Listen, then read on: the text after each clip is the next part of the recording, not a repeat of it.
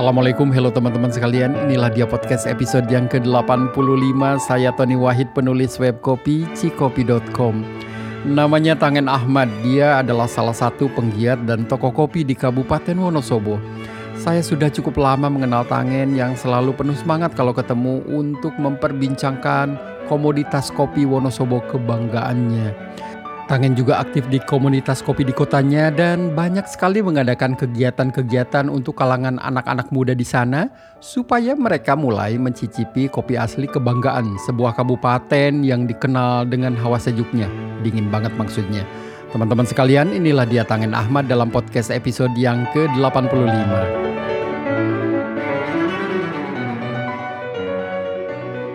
Dan di sebelah saya ada Mas Tangin Ahmad dari Wonosobo. Beliau adalah penggiat kopi. Penggiat kopi di Kabupaten Wonosobo ya Mas ya yang sudah lama malang melintang di sana dan suka sowan ke sana sini. Ini yang paling asik nih. Mas Tangen sowan ke bagian atau wilayah Pulau Jawa atau tempat-tempat di Pulau Jawa kayaknya udah semua ya Mas. Belum juga. Tapi Tapi sebagian ya hampir mungkin 60 kabupaten di Jawa. Wonosobo saat ini gimana sih perkembangan kopi di sana? Perkebunan dulu deh, kebun kopi yang ada di sana. Berapa banyak luasnya? Nggak usah pas-pas banget. Iya. Kalau perkembangan perkebunan kopi di Wonosobo cukup bagus. Pertama lima tahun terakhir di lima tahun terakhir itu eh, memang penanaman tanaman kopi semakin masif. Teman-teman di pertanian juga mereka merasa sudah tidak lagi mudah untuk mengandalkan tembakau ataupun sayuran-sayuran yang ada di seputar Wonosobo untuk dijadikan penghasilan. Tapi kopi sekarang jadi pilihan. Jadi agak lumayan karena eh, terlebih setelah ada kita bareng-bareng sama teman-teman petani bikin keluarga besar namanya Asosiasi Kopi Asli Wonosobo atau Askawon. Sejak berdirinya Askawon tiga tahun yang lalu kita sudah nambah sekitar untuk kebun arabikanya itu hampir satu juta batang pohon. Lumayan banyak juga ya. Iya. Banyak banget itu sih. Dan luasnya itu segunung apa tuh mas? Eh, di Wonosobo kan ada beberapa gunung, Bang Tony. Berapa gunung nih? Eh, ada Sindoro, Sumbing, terus kemudian Gunung Perahu, Gunung Bismo, Mhm. terus ada Gunung Pakuwojo yang puncaknya itu hari ini lagi viral banget puncak Sikunir itu. Itu mulai di bawahnya juga ditanamin kopi. Cukup luas karena eh, yang penambahan tiga tahun terakhir aja kita nambah sekitar 40 hektar itu untuk kurang lebihnya kali kalau 3000 pohon 40 udah lumayan banyak. Lumayan banyak ya. Dan di sana ada nggak kan kalau Wonosobo itu kebanyakan adalah petani apa nih? Petani tembakau, petani kopi atau petani sayur? Dari dulu sebetulnya tembakau atau kopi di sana? Sebenarnya susah kalau kita bilang dari dulu. Dari dulu yang mana nih? Sejak zaman penjajahan aja. Aha. Zaman penjajahan dominasi terbesarnya itu tembakau sama kopi. Ya. Jadi itu dua ya. Iya, rempah-rempah. Namun eh, beberapa puluh tahun terakhir eh, pengembangan tanaman industri sayur Udah mulai juga. cukup bukan hanya mulai, cukup mera- merajai karena salah satu supplier kentang terbesar di Indonesia ini kan Pegunungan Dieng Di Wonosobo sana ya. dan itu Wonosobo. Dan ngomong-ngomong itu salju gimana tuh? Cuaca saat ini eh, berapa Celsius? Kalau ini udah masuk musim hujan agak anget ya, Agak agak, anget. eh, udah nggak se ekstrim kemarin Juli Agustus hingga September. Sampai berapa waktu itu? Kemarin minus 9, minus eh, 8, terendahnya hari-hari gitu ya minus 3, minus 2. Mas di Diengnya. Di Diengnya. Iya. Mas Kalau- Tangen mandi nggak kalau cuaca segitu? mandi. Jangan sampai enggak, tetap mandi lah, Pak. itu kan jadi es. ya, kan ada air hangat. Iya, jangan sampai nggak mandi. Tapi eh, biasanya memang jadwal mandi agak berkurang. Sore, eh, Kalau pagi Eh, gitu nggak bisa. Pagi suka nunggu sore. Kecuali ada sesuatu. Tapi sebelum ke kopi, Mas Tangen bisnisnya apa waktu itu? Waduh, teman-teman suka pada komen hubungannya apa baut karet sama kopi gitu. Karena dulu saya tukang baut, saya tukang karet, terus sekarang saya ada di kopi. Kopi itu ya kesukaan, kegemaran, termasuk kegilaan saya dari kecil kopi itu. Jadi kopi itu passion. Ada kans untuk saya jadikan bisnis, kenapa tidak?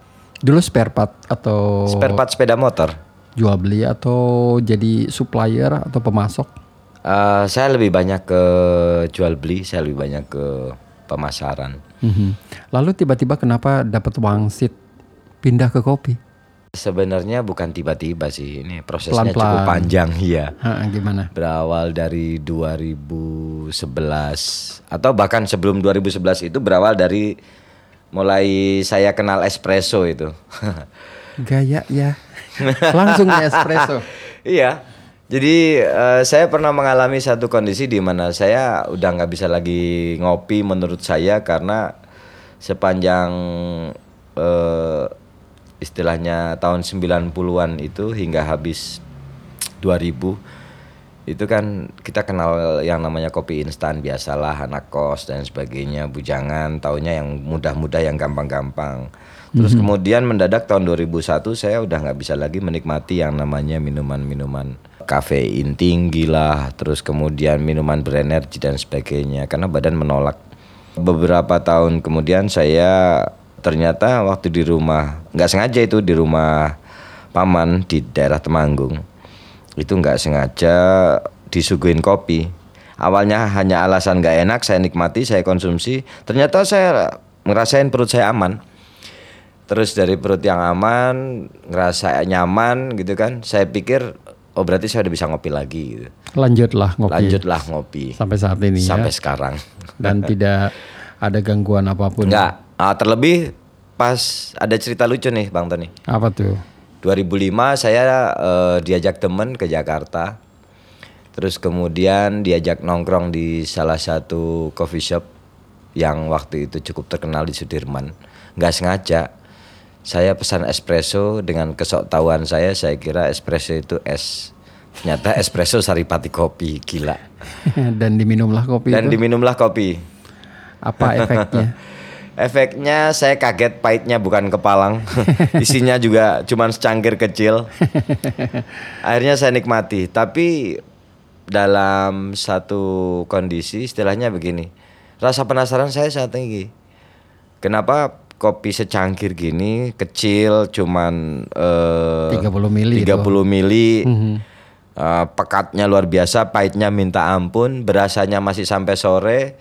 Udah gitu pas bayar lebih kaget lagi tuh yang bikin gak bisa tidur karena tagihannya 70.000 ribu hanya untuk secangkir espresso. Mahal sekali ya. ya Brazilian espresso. Oh. Dan pengalaman itulah Iya, membuat saya justru eh, jadi tertarik, penasarannya tinggi. Terus sejak saat itu saya coba hunting espresso. Saya mencoba untuk menikmati eh, kenapa bisa ada minuman yang pahitnya minta ampun, mahal, tapi laku keras gitu kan. Saya eh, ngerasain awalnya saya cuma tanya efeknya apa gitu kan. Ternyata imbasnya tadi Eh, minuman ini semacam minuman berenergi tapi sangat alami sehingga aman untuk lambung, aman untuk kesehatan, tidak memicu banyak hal yang bersifat negatif ke tubuh. Terus kemudian eh, memberi satu semangat eh, asik lah kepada kita. Jadi kita bisa bekerja maksimal gitu. dan waktu itu masih di spare part atau udah nggak lagi mas? Iya, masih di pekerjaan yang lama. Dan lalu tiba-tiba pindah atau eh pelan-pelan kan ya? Ya. Lalu ke kopi 2011 saya buka warung kopi pertama kali dan pada saat itu Di ternyata- Wonosobo Di Wonosobo. Animonya belum terlalu bagus, orang belum terbiasa ngopi secangkir. Padahal waktu itu saya jual berapa ya murah sekali. Udah pakai mesin waktu itu. Oh belum, masih pakai manual brewing. Saya pakai mocha pot. Selain Pakai kopi tubruk, saya espressonya pakai mocha pot. Dijual berapa waktu itu di Wonosobo? 5000 perak.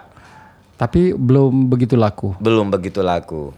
Yang datang paling berapa banyak tuh teman-temannya? Yang datang untuk ngopi itu ya sehari dua orang tiga orang. Mhm. Kalau untuk kopi yang itu ya, yang arabica, yang single origin. Kalau yang ya? ya kopi susu paling laris gitu. Nah itu banyak. Iya dari dulu. Kopi susu, kopi tubruk manis itu paling laris. Nah, cuman kemudian karena masih terbagi sama spare part, jadi waktu itu saya belum begitu fokus. Belum fokus dan belum konsen Belum ya? konsen. Begitu ditinggal karyawan, udah aja tutup warung. Oh selesai. Mm-mm. Cuman kan begini, walaupun tutup warung, kebiasaan saya, saya kan sudah mulai ngolah sendiri, ngerosting sendiri, goreng sendiri, walaupun istilahnya manual. Tadinya saya nggak berpikir untuk bagaimana memasarkan, jadi cuman jadi bahan bawaan saya kalau saya anjang sana ke tempat saudara, saya silaturahim ke tempat saudara, itu saya selalu bawa eh, kopi itu sebagai sebagai hadiah gitu sebagai gift. Kopinya dari Wonosobo. Kopinya Wonosobo, ya. Jadi itu dibeli dari para petani di sana ya mas ya? Ya, awalnya eh, saya hanya merujuk ke satu orang. Eh, beliau juga guru saya almarhum, namanya Mbah Muhdorun. Itu salah satu maestro kopi Jawa Tengah. Dan beliau eh, pejuang Arabica yang cukup lama, yang hari ini sudah meninggal. Diturunkan lagi usaha ini kepada anaknya. Yang paling utama adalah bahwa saya belajar banyak hal dari beliau. Beliau yang mengajarkan saya tentang bagaimana ngopi yang baik, bagaimana ngolah kopi yang baik, bagaimana memproduksi kopi sehingga kopi itu diminati pasar. Terus yang paling asik lagi eh, bagaimana kopi itu bermanfaat untuk orang banyak. Itu yang paling penting mungkin nasihat beliau ya. Pembagian antara kopi robusta dan arabica di sana kebanyakan nanam apa? Petani di sana mas? Eh, Arabica itu kan berkembang belum begitu lama ya tren Arabica itu terutama di Wonosobo nih. Ya, Di Wonosobo tren Arabica itu kan dulu kan Arabica hanya tanaman konservasi. Konservasi pertama tahun 93 terus kemudian tahun 97. Nah, saya kenal Arabica pertama kali tahun 97 waktu jadi belum lama ya? Belum, belum, belum. Belum lama jadi tahun 97, tahun 2000-an lah ya. Ya, sementara Robusta Udah sudah lama. ratusan tahun di Wonosobo. Bahkan Wonosobo itu punya pernah punya pabrik pengolahan kopi. Jadi ada gudang pengolahan kopi yang dimiliki oleh Belanda tahun 1918 itu di Kecamatan Sapuran. Nama pabriknya Sapuran 1819 eh 1918. Masih ada itu pabriknya? Udah, udah nggak ada. Udah nggak ada ya. Jadi 20 tahun lebih baru ditanam di Wonosobo itu kopi arabica ya? Iya. Iya. Sekitar 20 30 tahun ya hampir. 20 30 tahunan. Dan saat ini udah banyak ya, Mas. Ya saat ini eh, fasenya eh, banyak sebenarnya banyak cerita banyak kisah itu jadi Iya. sempat ditebangi karena dianggapnya arabica itu nggak produktif nggak seperti robusta tadinya beranggapan bahwa tanaman kopi tidak produktif Tebang harganya iya harganya juga nggak begitu bagus rendemennya juga nggak sebagus robusta Secara ekonomi nggak bagus. Secara ekonomi betul nggak bagus, tapi dengan edukasi yang sudah berjalan sekian tahun ini, terlebih emang 10 tahun terakhir memang kopi lagi naik daun. Terus kemudian Arabica juga mulai dikenal di masyarakat. Dulu 2011 saya bikin warung kopi, komentar orang tentang kopi Arabica yang saya jual itu Apa tuh? "Eh, kopi kok rasanya kayak aroma ketek katanya. Kenapa asem? Bagus itu kalimatnya aroma ketek. Jadi mereka nggak suka ya kopi-kopi asam yang teman-teman di Wonosobo sana. Dulu begitu. Nah, sekarang kebalikannya. Kebalikannya. Iya. Dan momen itu didapatkan kapan tuh kebalikannya itu? Momen itu mulai kita dapatkan di 2015. 2015 eh, Udah mulailah pada iya, tahun itu ya? Iya, Wonosobo khususnya itu 2015. Kalau ini yang se- sedang berjalan di Wonosobo saya lagi set up punya beberapa teman, ada tiga orang teman yang minta dibuka kedai di Wonosobo. Terus kemudian saya juga lagi bikin sendiri di apa satu kedai kecil di pojok kantin rumah sakit di Cibinong, Bogor. Ah, ya nyoba trial mendekatkan kopi kepada masyarakat, mendekatkan kopi kepada eh, banyak halayak supaya apalagi di rumah sakit itu eh, supaya image terhadap bahwa kopi itu nggak Nggak. sehat ya itu udah luntur duluan kenapa karena kopi yang kita sajikan kopi yang kita jual kopi yang sehat dan menyehatkan Boleh tuh di rumah sakit membuka warung kopi. boleh Boleh boleh ya? boleh dan insya Allah minggu besok juga sudah mulai rilis kita Di kawasan Cibinong. di kawasan Cibinong RSUD Cikaret Semua kopi-kopinya kebanyakan dari mana nanti yang disajikan di warung kopi di Cibinong? eh Wonosobo tentu saja. Iya pasti Wonosobo terus kemudian saya juga ada eh, Cibulaunya, ada Cisadane Hulu, Robusta Cibulau, Robusta Hmm. Cisadane Hulu ada. Kapan-kapan kita ke sana ya, Mas? Boleh, boleh. Boleh. Waktu saat pergantian profesi dari spare part, baut dan lain sebagainya ke kopi, saat itu pengalaman-pengalaman uniknya kayak apa tuh, Mas? Pengalaman uniknya. Oh ya, yang ya? ini nih, yang panci hitam, panci hitam. Ah, ah, panci hitam nih. Ah, Itu kan salah satu eh, apa bukti Iya. perjalanannya menu- eh, di dalam kopi dan masih digunakan kan panci Ya, sampai, sampai saat sekarang, ini. sampai Kalau sekarang. pada saat pelatihan-pelatihan Betul. teman-teman coba tuh gimana tuh cerita tentang panci Eh, hitam. Jadi eh, saya punya panci hitam bahan aluminium, harga belinya juga cuma 15.000 perak. Ah, itu yang saya gunakan ke mana-mana untuk memberikan edukasi kepada teman-teman petani, teman-teman penikmat kopi pemula, bahwa eh, manual roasting itu bukan sesuatu yang susah. Eh, kopi juga bukan sesuatu yang sangat mahal. Kopi, tapi kopi ini akan menjadi sangat berharga manakala kita mau mengolahnya dengan baik, mau mengolahnya dengan benar, mau mengolah itu sepenuh hati. Nah, cuman masalahnya eh, kadang orang sudah berasumsi dulu bahwa ngopi itu harus begini, harus begitu, harus dengan alat yang mahal. Sementara eh, panci hitam itulah saksi eh, yang saya berikan satu kesaksian yang saya berikan kepada teman-teman bahwa ngopi itu eh, tidak semahal itu sehingga eh, ada satu cerita bahwa dan itu juga bagian daripada sejarah saya. Karena dari sejak lama saya roasting itu untuk bikin sampel kopi untuk roasting sampel kopi bahkan untuk ini setiap saya pergi ke mana pun biasanya panci hitam itu saya bawa untuk manual roastingnya. Dan saya selalu menampilkan kepada teman-teman pe- pelaku kopi ataupun penikmat kopi pemula bahwa ini loh cara roasting kopi seperti ini situasinya seperti ini caranya dan kopi itu apa panci itu cukup memberi memberi pelajaran bagus buat teman-teman sampai-sampai saya itu sempat dijuluki roaster capanci Dan pancinya udah yang tadi udah hitam semua ya. Iya, iya, bagian dalamnya itu sampai pada bagian dalam itu udah mengkilap kena acirinya kopi udah nempel semua di situ. Udah jadi udah kayak di teflon itu. Dilapis.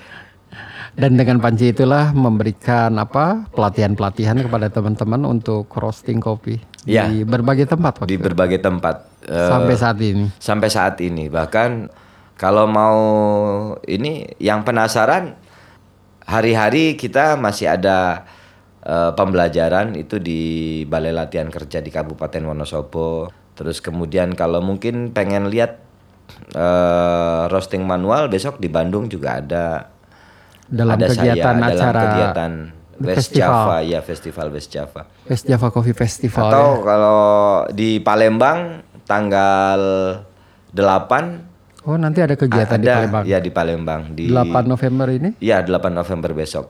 Itu Saya- juga ada manual roasting. Saya orang Palembang kok nggak diundang. Oh ya, Iya. Numpang berojol doang sih. numpang brojol doang Palembang. Iyo. iya. Wong kita galau. Apa Wong galau? Galau, galau. Sesudah dari spare part, buka warung kopi, tapi tidak menjadi petani kopi ya. Atau jadi petani kopi juga. Ya, sebenarnya ya juga. Oh Tapi jadi udah- nanam juga. Iya, iya. Eh, saya juga mempersiapkan. Saya lebih kepada breeding, pembibitan. Pembibitan. Ya, saya mempersiapkan pembibitan.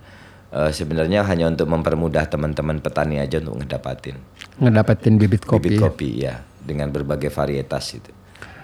Apa prosesnya bisa tahu bagaimana cara melakukan pembibitan di bidang kopi?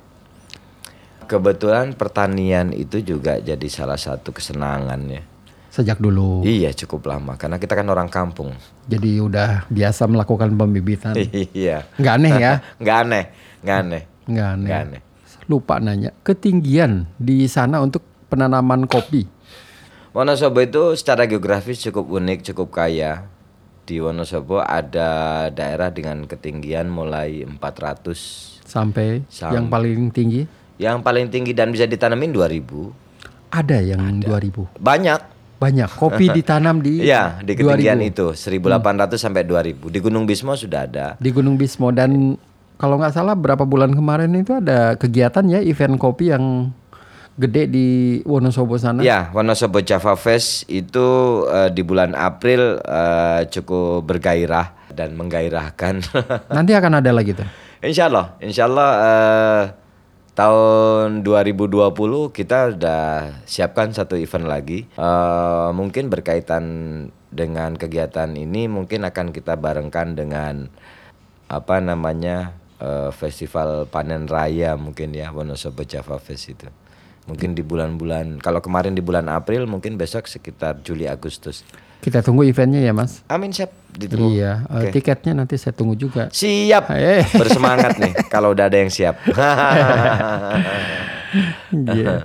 Ya semoga bisa menjadi kegiatan tahunan yang di Wonosobo itu. Amin. Masalahnya di sana kan unik sekali dengan ketinggian yang tadi disebutkan. Iya. Wah saya nggak bisa bayangin itu dinginnya kayak apa ya. Jaket mesti tebal sekali. Ya, kalau bulan-bulan itu eh, otomatis eh, jaket karena di bulan Juli Agustus itu kan masuk bulan kemarau dan di Wonosobo bulan kemarau itu eh, bisa tembus minus 8, minus 9 Iya. dan kalau mau lihat sekalian lihat salju. Sebenarnya bukan salju, sebenarnya itu Es. eh, ya es atau air yang beku, embun yang beku, udara yang beku karena memang sangat dingin. Dan itu tadi minus berapa? Minus 8, minus 9. Wow. Luar biasa. Tadi kembali kepada masalah pembibitan. Jadi saat ini kegiatannya hanya pembibitan untuk membantu para petani mendapatkan bibit kopi Ah, atau ada juga yang lain kegiatannya? Saya lebih banyak hari ini kepada eh, mempersiapkan eh, pemasaran dari produk kopi Wonosobo itu sendiri pada khususnya dan eh, mungkin Jawa Tengah pada umumnya. Makanya senang jalan-jalan ke sana Iya. sini untuk sowan ke banyak teman-teman kopi di banyak tempat di Pulau Jawa ini ya. Ya, baik di Jawa ataupun di luar Jawa. Makasih sekali nih sudah bisa datang ke Interstellar Coffee Lab di Planet Bekasi, Mas. Ya, Oh. luar biasa banget. Jauhnya macet. Tadi kan nanya m- Dari dari halaman sampai dapur studio semua. studio. Mas Tangen ini nanya tadi sebelum berangkat, waduh ini maaf macet. Mas, semua Jabodetabek. Kalau sore ya macet. Wonosobo yang enggak ya. Wonosobo sih enggak. Aman. iya, tapi ya biasa kalau kita di sini ya macet lah satu Iya. jam lebih itu udah biasa aja. Ya. Wonosobo aman lah. Betul. ya, tapi eh, memang ini obrolan yang beda dengan kemarin. Iya.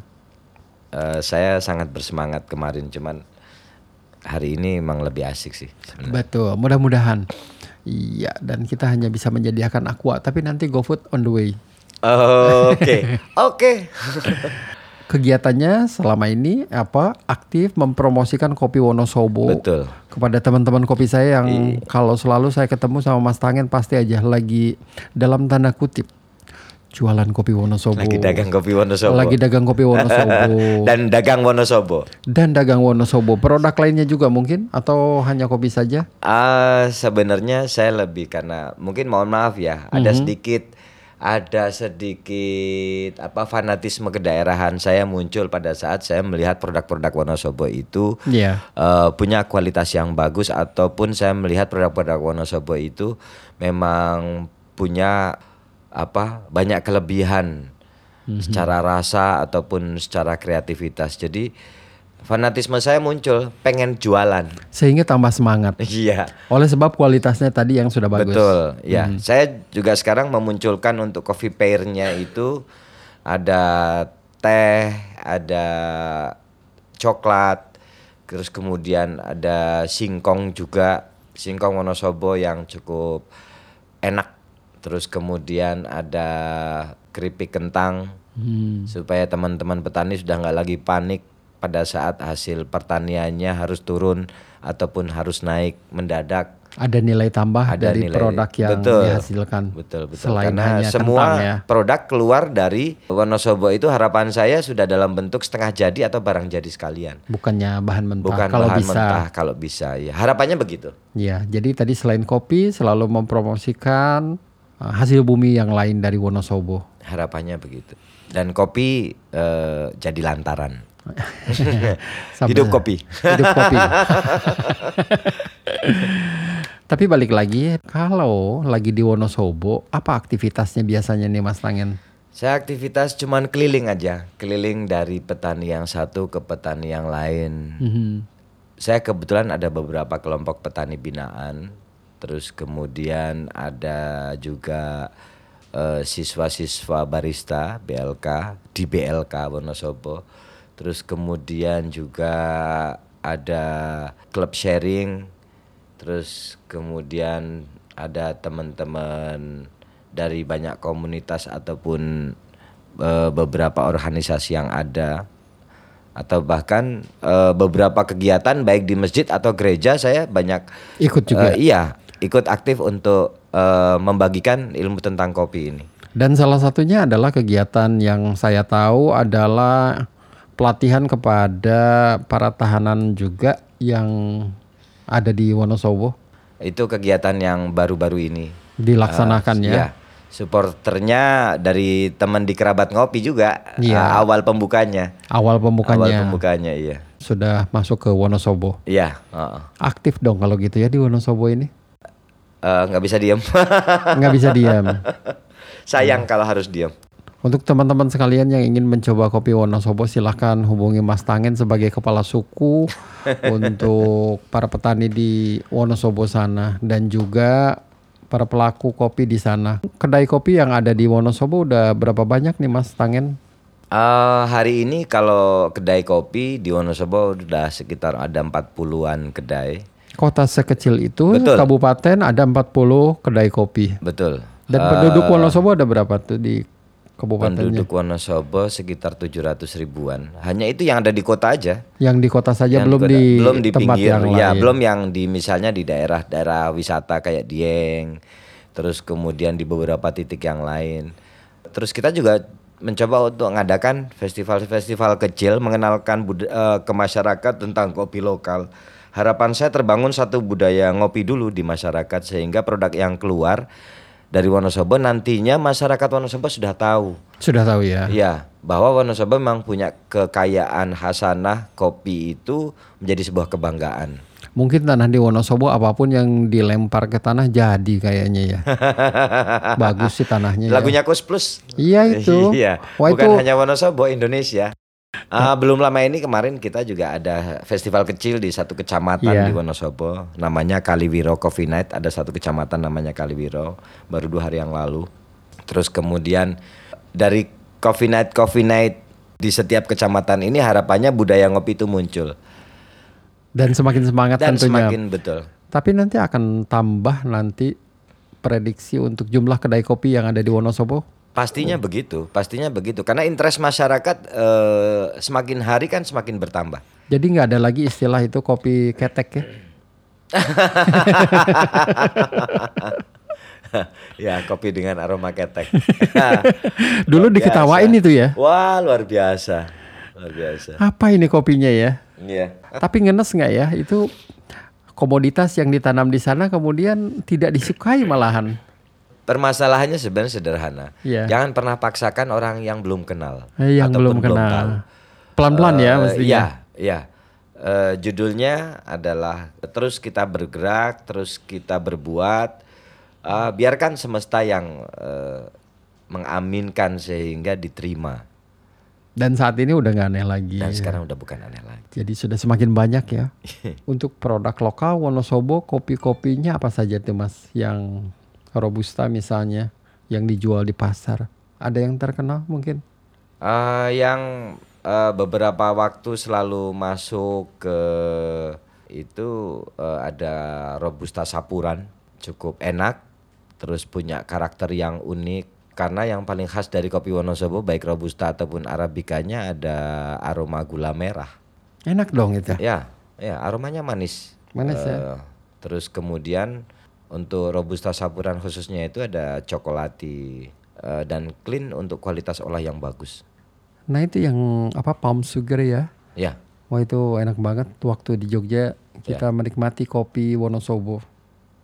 banyak varian sebenarnya tapi memang kalau saya pribadi gitu saya pribadi yang saya pahami dari basic kopi itu karena saya belajar kopi kan eh, tidak secara teori saya lebih banyak otodidak lebih banyak ngelihat mbah saya dulu Nanam kopi juga. sendiri Oh. nanam kopi sendiri dan sebagainya Eh, yang saya pahami paling saya pahami kopi yang enak itu yang ada aroma manis dan muncul rasa manis walaupun tipis pada Walaupun pahit. tipis. Iya.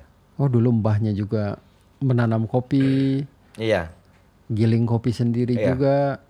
Kopi itu sudah menjadi bagian yang tidak terpisahkan dengan Wonosobo kalau begitu ya. Seharusnya begitu. Mhm. Cuman tren itu selalu berkembang dan tren selalu berubah. Mungkin eh, kemarin-kemarin Masih belum ya? ya masih belum terus kemudian eh, eranya era orang cari kemudahan sehingga harus booming kopi saset terus kemudian hari ini orang banyak ingin kembali ke natural, ingin kembali ke eh, yang nggak nggak simple karena sesuatu yang simple itu pasti eh, ada yang harus dibayar. Nah itu dia.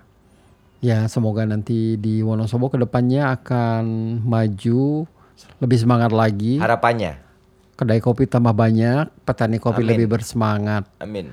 Tapi kalau kita bicara tentang perjalanan Mas Tangen ini ke berbagai wilayah di Indonesia, hingga sampai ke mana yang paling jauh nih Mas? Eh, Jalan-jalan eh, kopi. naik mobil, ya, ha, kopi kalau naik mobil jauh aja. jauh aja. Iya. Tapi kalau naik pesawat sampai ke mana tuh mempromosikan kopi Wonosobo? Yang terbaru belum lama bulan kemarin itu dari Kalimantan dari Balikpapan dan yang akan datang besok yang terjauh jadwal yang sudah masuk Palembang.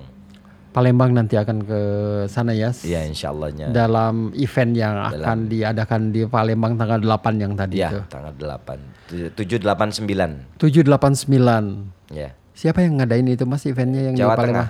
Bu- oh, bukan eh, itunya event yang di Palembang yang Jawa ngadain Tengah. Jawa Tengah. Ya pameran kopi Jawa Tengah Khusus diadakan di Kota di Palembang. kota Palembang. Mendapatkan kehormatan tuh Betul sekali. Provinsi Jawa Tengah Provinsi Jawa Tengah. Yang diadakan di ibu kota Provinsi Sumatera Selatan. Betul sekali. Iya, tempat saya Numpang melihat- Iya. Kemudian pindah ke Bandung nggak akan percaya lagi kalau saya lahir di sana. Udah seperti numpang-numpang aja. Hari ini juga di Bekasi numpang juga ya. Numpang juga, numpang juga. Dan ke mana-mana biasanya dengan kakaknya Mas Walton atau sendirian atau sama keluarga? Ah, saya bukan tipikal memang yang senang untuk bepergian sendiri. Jadi dan saya selalu berusaha ngajak siapa pun, Iya. eh, terutama eh, orang-orang dekat saya, saudara saya, eh, istri saya ataupun anak saya. Jalan-jalannya sambil Ya sambil melihat. jalan karena yang paling asik, yang paling indah buat saya adalah bahwa sebuah kesenangan itu eh, sangat mesti dibagi. ya sangat lebih mengasyikan kalau dibagi atau ada dalam satu kebersamaan. Dan besok mau jalan ke mana lagi nih? Malam ini perjalanan pulang ke Wonosobo. Wonosobo, ya. Terus kemudian besok seharian eh, mungkin eh, nengok siswa-siswa BLK. Terus insya Allah hari Kamis itu ada beberapa wawancara radio yang harus saya penuhi di Semarang. Kemudian Jumatnya di Bandung sampai hari Minggu. Fest Java Coffee Festival Ya, di Bandung. West Java Coffee. Ca- eh, Jumat Sabtu Minggu ini. Jumat Sabtu Minggu ini. Ya, Ya, maksudnya minggu, depan, ini ya. Kalau Oke. minggu depannya Palembang.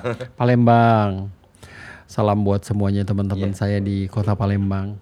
Iya. Sukses untuk kegiatannya. Gitu. Jadi ke depan masih tetap akan melakukan aktivitas di kopi sebagai salah satu penggiat kopi di Wonosobo Mas Tangen Muhammad. Tangen itu yang tadi pernah saya singgung apa merek apa itu Mas? Ya, merek speaker. High end. ada merek ada merek speaker yang ya saya jadi penasaran itu. Ternyata banyak sekali eh, Iya. brand tangen itu tapi di kopi baru satu. Yaitu Dan Mas Tangen sendiri. Ya, saya sendiri. Iya. Dan seluruh dunia baru satu dan insya Allah sudah kami patenkan juga. Oh sudah sudah dipatenkan. Sudah. Jadi nggak masalah ya Jadi- dengan masalah hak cipta. Betul betul.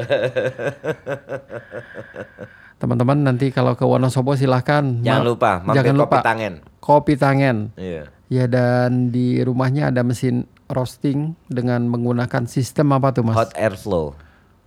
Kapasitas Fluidisasi. Fluidisasi yang kapasitasnya berapa kilo? Kapasitasnya dua kilo setengah tapi heavy duty. Heavy duty. Ya. Maksudnya heavy duty bisa Bisa satu hari kerja tanpa berhenti. 24 jam. Tinggal yang kuat, eh, yang ngerjain kuat nggak? dan itu sering eh, 24 jam tuh mesin disiksa. Ah, pernah kita mesin nggak mati hingga eh, 40 jam 40 karena jam. kejar restoran. nggak masalah mesinnya. Eh, mesinnya nggak masalah, yang bermasalah eh, saya Operatornya. dan, iya, operator lainnya. Ngos-ngosan ya iya, karena eh, kita ada kewajiban untuk Ada store. kewajiban untuk setor. eh, waktu itu pesanan sudah terlanjur kami iakan. Terus kemudian waktu itu cuma tersisa dua hari. Kita harus packing, harus ini. eh, dalam 40 jam kita ngerjain eh, harus sesuai permintaan. Begadang dong tuh. Iya pastinya begitu. Pastinya ya begadang ya sedikit tidur. Eh, sementara operator cuma berdua. Ah berdua. Iya, sa- hanya saya waktu itu dengan eh, adik ipar saya. Tapi udah selesai ya tugasnya. Ya, ha- hari-hari sekarang normal. Iya, mesinnya nggak apa-apa, mas tangennya sama itu Lempoh. Mesinnya baik-baik sayang. nggak ada masalah itu mesinnya. Iya, iya. Dan itu produksinya bisa di mana tuh? Eh, apa bisa dibeli di mana? Mesin roasting dengan sistem Ah, hot mesin air. itu buatan teman-teman lap tiap. Lap tiap itu ada di Puslit di Serpong. Di sini Ya, di Tangerang. masih ada mereka produksi atau enggak? Ah, mereka hanya memproduksi sesuai dengan pesanan. Sesuai dengan pesanan. Ya.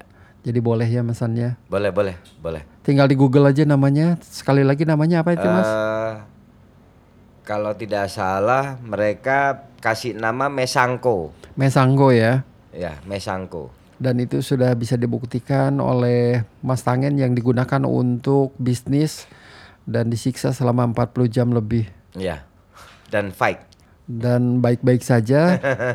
tidak ada tidak pernah ada masalah itu mesinnya sampai saat Sampai ini. hari ini. Sampai hari ini alhamdulillah kita sudah pakai mesin itu eh, dua tahun dan sampai dengan hari ini nggak ada masalah. Dengan menggunakan BBM apa, Mas? BBM-nya pakai gas sama listrik. Itu saja ya. Ya. Nggak ada. Kapasitas apa namanya? HPP-nya juga cukup rendah. Hmm, berapa tuh? Eh, Karena per batch itu eh, biasa kita satu tabung untuk yang 5 kilo kita bisa pakai sampai 25 batch. Jadi cukup efisien lah Ya, efisien. untuk operasional eh, ya. sehari-hari. Betul. Jatuhnya kalau per batch itu cuma untuk listrik sama ini sama gas ya. Itu cuma sekitar 5.000 rupiah sampai 6.000 tertinggi per batch. per batch. Murah Buat sekali listrik. lah ya. Iya, lima. Dan itu harganya berapa ngomong-ngomong tuh mesinnya?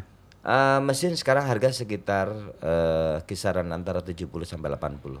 Dengan kapasitas 2 kilo setengah. 2 kilo setengah dan hasilnya bagus. Memuaskan. Hampir satu jam kita berbincang ini, jadi kita terkenang dengan pertemuan yang di Jogja. Salam buat Mas Sultan. Ya, Insya Allah saya sampaikan Waalaikumsalam. Iya.